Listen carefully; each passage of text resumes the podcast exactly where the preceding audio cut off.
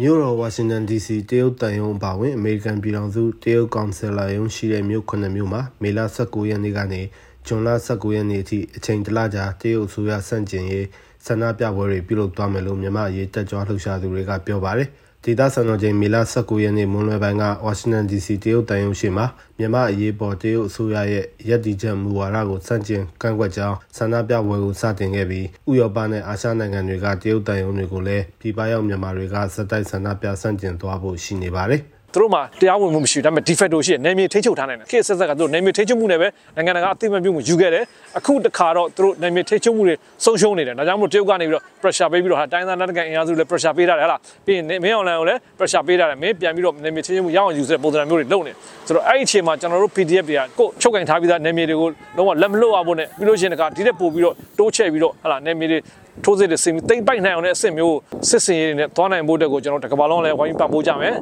နော်နိုင်ငံဥဆောင်ဖြစ်တဲ့ NUG ရလည်းဒေတာစနစ်ကြတဲ့ view ဟာတွေနဲ့နယ်မြေဆုံးရှုံးရေးကိုကျွန်တော်စူးစမ်းကြမယ်ဆိုရင်ကျွန်တော်တို့တရုတ်ဘယ်လိုပဲပံ့ပိုးပံ့ပိုးသူတို့လိုချင်တဲ့ပုံစံရအောင်မဟုတ်ဘူးကျွန်တော်တို့အောင်ပွဲပဲတောင်းမှာဖြစ်ပါတယ်ဒါကြောင့်မလို့ကျွန်တော်တို့ဒီတစ်ခေါက်မှာတရုတ်ပြတ်သားစီလုံးချက်ကြမယ်ပြတ်သားတင်ပြကြမယ်ပြတ်သားသားဆန့်ကျင်ကြမယ်သူတို့ရဲ့စီးပွားရေးတွေအကုန်လုံးကျိုးမြတ်တွေအကုန်လုံးကမြန်မာပြည်ထဲမှာမင်းအောင်လိုင်းကကာကွယ်ပေးလို့မရတော့လုံခြုံရေးပေးလို့မရတော့မင်းအောင်လိုင်းအုပ်ချုပ်လို့မရတော့ control လုပ်လို့မရတော့ဆိုပြတ်သားပြကြမယ်ရေတော့ဘုံအောင်အောင်မြည်အောင်ကိုအောင်အောင်မြည် မေလ2ရက်နေ့ကနေပြည်တော်မှာတရုတ်နိုင်ငံသားရေးဝန်ကြီးနဲ့စစ်ကောင်ဆောင်တို့တွေ့ဆုံပြီးနောက်တရုတ်ရဲ့တိုက်တွန်းချက်အရမေလ3ရက်နေ့မှာနိုင်ငံရေးအကျဉ်းသားတချို့ကိုစစ်ကောင်စီကပြန်လွှတ်ပေးခဲ့ပါတယ်။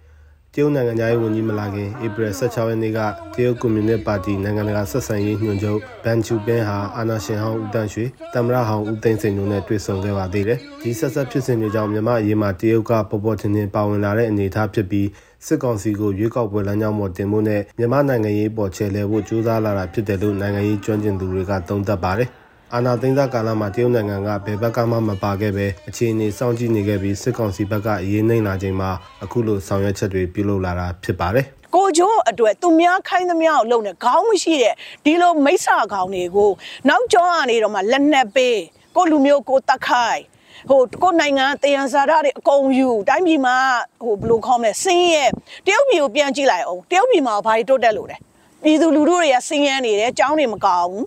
သူတို့ရဲ့သားသမီးတွေကြနိုင်ငံတကာမှာစာသွားတင်နေတယ်အဲ့ဓာတွေကတရားမျှတမှုရှိသလားပေါ့ဆိုတော့ခေါင်းရှိတဲ့လူတွေကဒီလိုမတရားနေတာကိုရပ်တည်ပေးရမယ်ကဘာကြီးမှာနိုင်ငံပေါင်းစုံရှိတယ် နိုင်ငံတစ်ခုရဲ့စုပ်ယုံမှုကလည်းတခြားနိုင်ငံရဲ့ပြဿနာပဲနိုင်ငံတစ်ခုရဲ့ပြဿနာလည်းအားလုံးရဲ့ပြဿနာပဲတကဘာကြီးမှာရှိတဲ့လူတွေရဲ့ပြဿနာတာဖြစ်တယ်ဆိုတော့လူအခွင့်အရေးတစ်ခုကိုတည်တည်ချာချာနဲ့သူတို့ကမစင်စားဘဲနဲ့ဒီလိုမတရားမှုတွေကိုအားပေးနေလို့ရှိလို့ရှိရင်ဓာတ်ဟိုးဆိုတာရှိတယ်လေသိရမလားအမောင်ကျွင်းကြီးတဲ့ကိုအားလုံးကျသွားမှာပဲ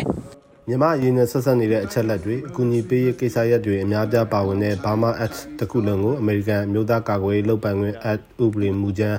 NDA ထဲမှာထည့်သွင်းပြီးဥပဒေအဖြစ်2022ဒီဇင်ဘာ23ရက်နေ့မှာသမ္မတဂျိုးဘိုင်ဒန်ကလက်မှတ်ရေးထိုးခဲ့ပါတယ်။မြန်မာရေးအတွက်အမေရိကန်ဒေါ်လာ136တန်ထက်မနည်းပဲအကူအညီပေးမဲ့အချက်တွေပါဝင်တဲ့အမေရိကန်အစိုးရဗဏ္ဍာငွေခွဲဝေသုံးစွဲမှုဥပဒေကိုလည်းဒီဇင်ဘာ29ရက်နေ့မှာသမ္မတဂျိုးဘိုင်ဒန်ကလက်မှတ်ရေးထိုးအတည်ပြုထားပါတယ်။ အမေရိကန်နဲ့အတူဥရောပသမဂ္ဂအဖွဲ့ဝင်နိုင်ငံတွေဘက်ကလည်းမြန်မာအရေးပေါ်မြင်သာတဲ့အာရုံစိုက်မှုတွေသတိပေးပြောဆိုတာတွေရှိလာခဲ့ပါတယ်။အဲဒီနောက်ပိုင်းမှာတရုတ်နိုင်ငံဘက်ကလည်းအခုလိုစစ်ကောင်ဆောင်နဲ့တွေ့ဆုံပြီးသူတို့ရဲ့ရည်တည်မှုကိုပြသလာတာဖြစ်ပါတယ်။ကျွန်တော်တုဒ္ဒချန်တာပါ။